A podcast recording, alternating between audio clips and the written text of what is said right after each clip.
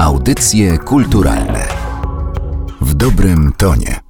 W audycjach kulturalnych witam serdecznie Macieja Werka, pomysłodawcę, dyrektora Festiwalu Producentów Muzycznych Sound Edit. Festiwal jak zwykle każdego roku odbędzie się w Łodzi w klubie Wytwórnia, tym razem pomiędzy 24 a 27 października. Festiwal jest współfinansowany ze środków programu dotacyjnego Kultura Interwencji. Witaj Maćku. Witam serdecznie po raz jedenasty. Zapraszam do Łodzi po raz chyba jedenasty właściwie dziękuję Narodowemu Centrum Kultury za wsparcie, bo tak właściwie chyba od samego początku współpracujemy i zrobiliśmy kilka fantastycznych projektów, które w tej nowej dekadzie mam nadzieję będą kontynuowane, bo przypomnę tylko projekcje specjalne z ubiegłej dekady, antologię polskiej muzyki elektronicznej, słynny koncert, który się odbył i ten jam, który do dzisiaj wspominam znakomicie Konrada Kucza z Krzeka, Komendarka i Kapitana Nemo. No i oczywiście nasz projekt Leibachem z okazji 70. rocznicy wybuchu Powstania Warszawskiego. To wszystko historia. Ja dzisiaj chciałbym cię naciągnąć na Y, kilka słów refleksji dotyczących y, w ogóle całego y, samego meritum festiwalu.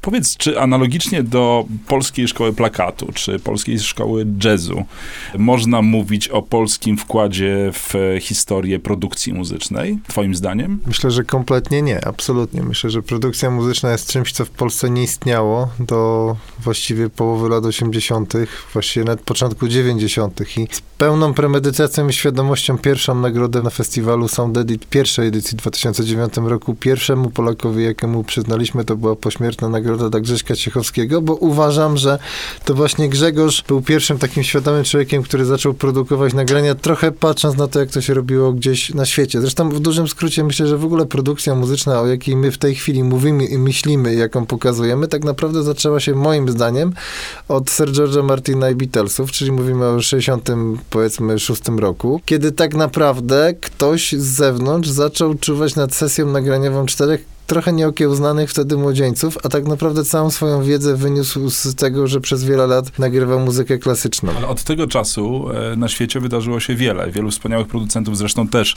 gościłeś przecież na festiwalu Sound Edit. Z czego twoim zdaniem, oprócz tego, że słusznie minione czasy odeszły i były pewne obiektywne trudności w tym, żeby móc porządnie muzykę produkować, z czego ta, może nie słabość, co luka, jeżeli chodzi o polską produkcję muzyczną wynika? Ja myślę, że to były czasy, w których przede wszystkim Y, dostęp do studiów nagraniowych był bardzo ograniczony. Jeżeli ktoś tam już się dostawał, to bardzo szybko cykał mu tam zegar.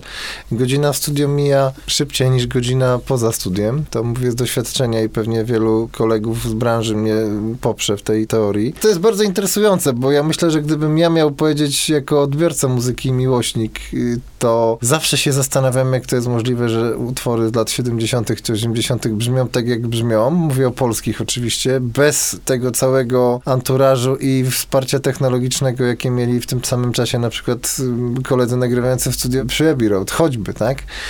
To się jakoś trochę działo siłą rozpędu. Myślę, że też muzycy grali inaczej. Myślę, że była zupełnie inna forma produkcji w tamtych czasach, powiedzmy do początku lat 80., kiedy pojawiły się, nie wiem, elektroniczne brzmienia, kiedy pojawiły się... Zresztą to też jest przykład Beatlesów. No jakby historia Beatlesów pokazuje doskonale, jak rozwijała się też kwestia produkcji muzycznej w kontekście technologii, jak pojawił się magnetofon czterośladowy, jak zmieniło to w ogóle podejście do nagrań, jak pojawił się ośmiośladowy, jak zmieniło to podejście do nagrań. W tej chwili mamy magnetofon, komputer milion śladowy. Właściwie możemy nagrać no 512 12 śladów to tam w ogóle na dzień dobry. Kiedyś 16 było takim standardem, potem 32.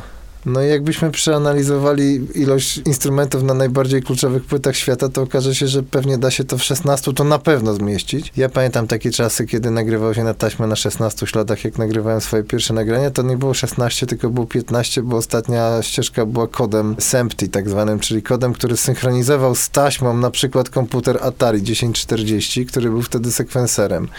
Czyli tak naprawdę to wszystko, co wtedy się robiło na różnych urządzeniach, teraz robi się w dowolnym komputerze, w dowolnym programie programie DAW, tak zwanym, czyli programie studyjnym. Co się działo wtedy w Polsce? No myślę, że ci, którzy chłonęli dźwięki zagraniczne przywożone na płytach, czy słuchali, nie wiem, radiowej trójki na przykład, jako wyznacznika pewnego rodzaju jakości odbioru tego, co działo się na świecie. Ciekawe, bo dopiero niedawno obejrzałem film o rodzinie Beksińskich i scena, w której Tomek yy, gra Jazu i mówi, że to jest bardzo świeża płyta, ukazała się dopiero trzy miesiące temu. Rozmawiamy o sytuacji, w której no, jakby ta płyta musiała trochę dopłynąć przez morze, prawdopodobnie część z tych płyt musiała najpierw dopłynąć do Gdyni, do portu, dlatego uważam, że trójmiejska scena zawsze miała najświeższy oddech i najbardziej adekwatnie reagowała na to, co się działo. I pewnie gdzieś za tym pojawili się ludzie, którzy tego słuchali. No, podejrzewam, że taki producent w tamtych czasach to był raczej człowiek, który po prostu słyszał różne rzeczy i próbował przekazać to zespołowi. No ale dobrze, od tego czasu przecież ukazało się całe mnóstwo świetnych e, płyt. No my je pamiętamy jako płyty. Czasami pamiętamy to, w jaki sposób brzmiały w momencie, kiedy puszczaliśmy je z nie najlepiej wytłoczonych e, często płyt e, winylowych z tamtych czasów. Ja pamiętam te płyty z lat e, 80., czyli w sumie już późne, prawda? No ale tych płyt wspaniałych, kapitalnych, również na takim poziomie światowym, jeżeli chodzi o poziom artystyczny, ukazało się przecież ogromnie dużo. Gdybyś ty miał wskazać jeden tytuł, dwa, może trzy tytuły, które uznajesz, oczywiście biorąc pod uwagę wszelkie trudności, które wówczas były, za płyty, które twoim zdaniem z dzisiejszej perspektywy brzmią dobrze, bardzo dobrze albo wspaniale, to czy byłbyś się w stanie pokusić o coś takiego? Pewnie wymienię ich więcej, no bo już mi przyszło do głowy tak, po pierwsze czwórka y, siedmiocalowa, podwójna płytka mała Izy Trojanowskiej, tam gdzie jest utwór Wszystko, czego dziś chcesz. Genialna w ogóle kompozycja i znakomita w ogóle. I tutaj się pojawia już Lipko jako producent i również trochę Janek Borysewicz, nasz tegoroczny laureat Nagrody Człowieka ze Złotym Uchem. To będzie fajne, moim zdaniem, możliwość spotkania z Jankiem Borysewiczem w niedzielę i W zawdania mu zupełnie pytań. innej formie, Ja prawda? też chcę- nie ja jako też- muzykiem, tylko jako producentem, Ja też nie? chcę spytać Janka, jak to było kiedyś, jak oni w ogóle dochodzili do tego, żeby ogarnąć to w studio. No bo zakładam, że jego brzmienie gitary też pewnie afektowało na całą resztę zespołu. Podobnie było pewnie z Romkiem Lipko, który jakby dla odmiany no, w tamtych czasach posiadał niekiepską baterię syntezatorów, wartą pewnie sześć domów w tamtych czasach i pięć samochodów. W związku z tym użyczał ich po Jest, prostu innym ale muzykom. wracając do twojego pytania, na pewno Iza Trojanowska, na pewno Anna Jantar, pierwsza płyta, znaczy nawet nie wiem, czy pierwsza, no nie pamiętam tytułu w tej chwili, taka pomarańczowa, winylowa okładka z jej twarzą i wszystkie utwory brzmią genialnie, jeżeli chodzi o na przykład perkusję, to są też brzmienia fantastyczne moim zdaniem, które nie odbiegają specjalnie jakością i wykonaniem od tego, co się działo na świecie. E, no Manam, na pewno Manam, na pewno Manam i to właściwie z Manamem to jest tak, że no co, no Nocny Patrol czy pierwszy Manam, to tam nie ma dużych różnic. To są płyty, które brzmią świetnie, no i Lech Janerka. Zawsze mnie dziwi, bo Lechu opowiada to w wywiadach, ja też miałem okazję z nim wiele razy prywatnie rozmawiać i on sobie wystrugał ten pierwszy baz. Znaczy Lechu jest wielką kokietą, zacznijmy od tego i za to go kochamy, natomiast jak to było naprawdę, to wie tylko on, czy rzeczywiście wystrugał sobie baz i zupełnie nie był świadom tego, że na świecie istnieją takie zespoły jak Talking Heads i David Byrne, co nie znaczy, że z nich w tej chwili kopiuje. Myślę, że o wiele bardziej z Davida Byrna kopiują inni w tej chwili popularni, wyprzedający w Warszawie wykonawcy na przykład, polscy dodam, żeby ułatwić zagadkę. Natomiast dla mnie to było fenomenalne zawsze rozmawianie z ludźmi, bo kiedy te płyty wychodziły, ja byłem podobnie jak i ty dzieciakiem i totalnie się jarałem tym, słuchałem z tego z fatalnego gramofonu, aczkolwiek nie tak bardzo fatalnego, bo mój ojciec pracował w Unitrze Fonika w Łodzi, więc pierwsze gramofony... Miałeś eksportowe pewnie. Tak, miałem eksportowe, te Bernardy i wszystkie gramofony, miałem te zresztą pierwszy polski kompakt, więc dla mnie zawsze ten dźwięk gdzieś tam się jednak trochę lepszy toczył, ale same płyty były kiepsko tłoczone i to prawdą jest. Przestrzeń tych płyt dla mnie jest zaskakująca i w ogóle podejście samych muzyków do formy, do aranżacji i oni Pewnie zaangażowanie też w produkcję jednak, prawda? Znaczy, nie, oni chyba Ja raczej nie myślę- odpuszczali tego czasu w studiu, który był Wszyscy- przeznaczony na produkcję. Wszyscy opowiadają z tamtych czasów, że mieli mało czasu na nagrania i że to był pewnego rodzaju eksperyment. No i ci ludzie, którzy tam nagrywali, którzy teraz są czempionami typu Piotr Madziar, który będzie u nas również wykładowcą na tegorocznych warsztatach na Sound Edit, no wtedy pewnie się dopiero uczył tego wszystkiego, więc ja myślę, że trochę rzeczy wyszło siłą rozpędu, ale gdybyś porozmawiał z ludźmi, nie wiem, choćby z naszej ulubionej wytwórni Mute Records, Fat Gadget i produkcja Gareta Jonesa i tak dalej, to też to trochę tak wyglądało. Nawet pierwsze płyty Depeche Mode, no to były wielkie zabawy, eksperymenty, z tą różnicą, że oni mieli dużo więcej czasu, no i mieli zupełnie inne budżety. Pamiętajmy też o tym, że studia nagraniowe w Polsce w tamtych czasach były całkowicie państwowe w większości przypadków. Więc i ten magiczny klucz, o którym ja często powtarzam, mówiąc o studio nagraniowym, no musieli mieć dostęp do tego magicznego klucza. Wspomniałeś o Grzegorzu Ciechowskim. Kto jeszcze, jeżeli miałbyś taką trójkę polskich producentów wymienić? Może też patrząc na to, co dzieje się współcześnie w polskiej muzyce. Wiesz co, większość z nich zostało już nagrodzonych na festiwalu Sound Edit, nagrodą Czeka ze Złotym Uchem. E, no oczywiście wspomniany pośmiertna nagroda dla Grzegorza, ale też Józef Nowakowski, który był naszym gościem, który powiedział za brzmienie choćby Brygady Kryzys. Też myślę, że pierwsza płyta Brygady Kryzys, umówmy się, no ja nie wiem, jak oni to zrobili, że to tak brzmi, no Centrala to jest utwór, który pewnie, kurczę, nie powstydziłby się takiego nagrania Martin Hannett y, i Strawberry Studio w Manchesterze, tak, w tamtych czasach. Kto jeszcze? No oczywiście Genio Rudnik, ale to trochę inna historia zupełnie. Jak dochodziliśmy do pomysłu nagrodzenia Genia Rudnika, tutaj wspólnie zresztą z Encekiem, to ja powiem ci szczerze, że nie byłem aż tak dużym znawcą. Dopiero ty mnie trochę zaraziłeś Rudnikiem, a właściwie sam Rudnik zaraził mnie sobą i nie ukrywam, że to było jedno z najfajniejszych spotkań mojego życia. Właściwie takie, które wspominam, no niesamowicie, jakby sposób jego na przykład pracy nad dźwiękiem, który jest zupełnie ponadczasowy, jest tak unikatowy, że właściwie chyba trudno jest to porównać do czegokolwiek. Chociaż na W tym przykład... sensie inny wymiar e, produkcji muzycznej, przecież jego współpraca z e, wielkimi kompozytorami, to była w sumie praca producenta muzycznego, ale artysty pełnowymiarowego, można powiedzieć. No tak, ale ja myślę, że w ogóle tutaj klasyka, muzyka klasyczna, bo też na przykład George Martin był taki pomysł, że miał współpracować w ogóle z Góreckim. Chyba do tego nigdy nie doszło, ale wiem, że były takie podchody i z orkiestrą z Katowic w ogóle. Ale znowu Górecki też miał trochę inne podejście, tak? To też nie jest klasyczna muzyka klasyczna, to jest trochę już jakby wykraczająca, to jest trochę jakby, nie wiem, no death metal spotkał e, Beethovena, no mówmy się, że to są inne już mariaże dźwięków, natomiast do czego zmierzam? Myślę, że w ogóle im ktoś ma większy, nawet ja myślę, że producent nie musi być muzykiem, tak? To jest też jakby ważna sprawa, bo my też o tym mówimy na festiwalu Sound Edit, że to jest też człowiek renesansu. Ja to zawsze tak nazywam, że jednak kolekcja płytowa, szukanie, słuchanie, próba odniesienia historycznego, to są rzeczy, które w tych czasach są bardzo trudne, bo coraz mniej ludzi potrafi połączyć ze sobą kropki, żeby z tego wyszedł wąż. A cóż dopiero, żeby z tego wyszły na przykład jakieś odniesienia historyczne czy cytaty z czegoś, co było kiedyś, tak? Myślę, że ta wiedza, na przykład jak nagrywać orkiestrę, bardzo pomaga w tym, jak zrobić nowoczesną produkcję.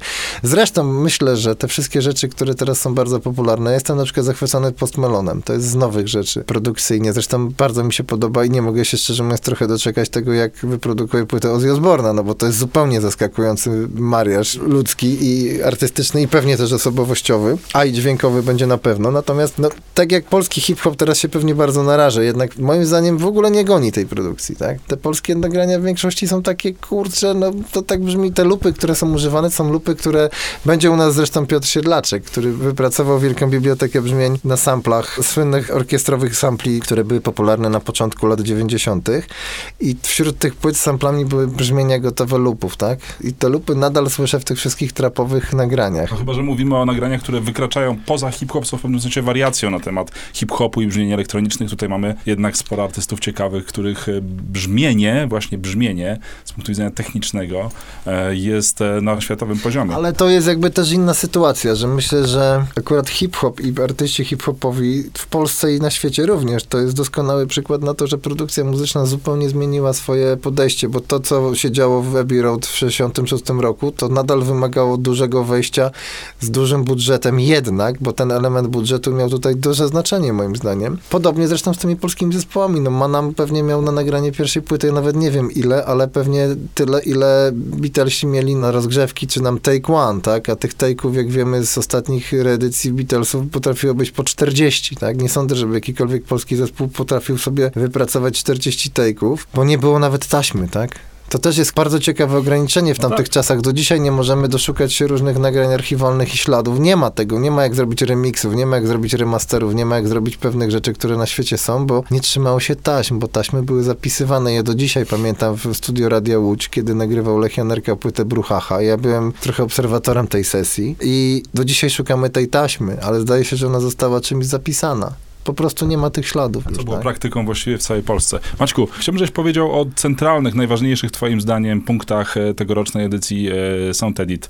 Atrakcji jest tam całe mnóstwo, moglibyśmy o tym rozmawiać pewnie z pół godziny, ale gdybyś wymienił kilka węzłowych, podstawowych, na które szczególnie chcesz zaprosić. Szczególnie jestem dumny z tego, że udało nam się w historii Polski po raz pierwszy zrobić tak dużą ilość warsztatów. To jest jakaś niesamowita, ponad 50 chyba 5 warsztatów branżowych, przeróżnych, różnych spotkań. E, To wszystko oczywiście na stronie soundedit.pl. Trzeba szybko dokonywać rejestracji, bo za chwileczkę będziemy mieli, jak to się mówi w świecie hotelarstwa, overbooking. Koncerty oczywiście to jest bardzo ważny element. E, Night Duff, Zamilska. Myślę, że ten piątkowy wieczór w klubie Wytwórnia 25 października będzie kontynuacją logiczną miłości mojej do elektroniki, ale również myślę, że też dla fanów nie tylko Depeche Mode wielki wieczór. Sobotnia y, gala wręczenia nagrody człowieka ze złotym uchem okraszona koncertami specjalnymi Sojka z dwoma y, zapraszanymi gośćmi Natalią Niemen i Czesławem Mozilem zapowiada się jako coś cudownego, a namówiłem Staszkę, żeby zagrał Somebody Depeche Mode i Into My Arms Nika Cave'a, co się łączy z naszym kolejnym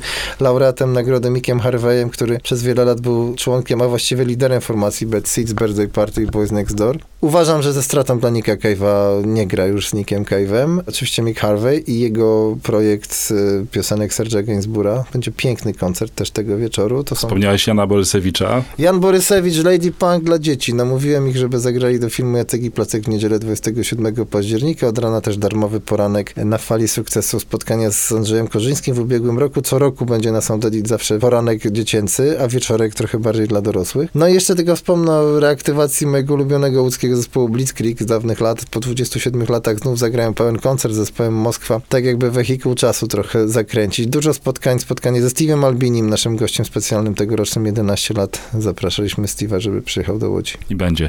Maciej Werk, e, Festiwal Sound Edit. Jest mi tradycyjnie niezwykle miło gościć Cię w audycjach kulturalnych i wszystkich serdecznie zapraszamy na to wydarzenie. Dziękuję, do zobaczenia w Łodzi. Audycje kulturalne w dobrym tonie.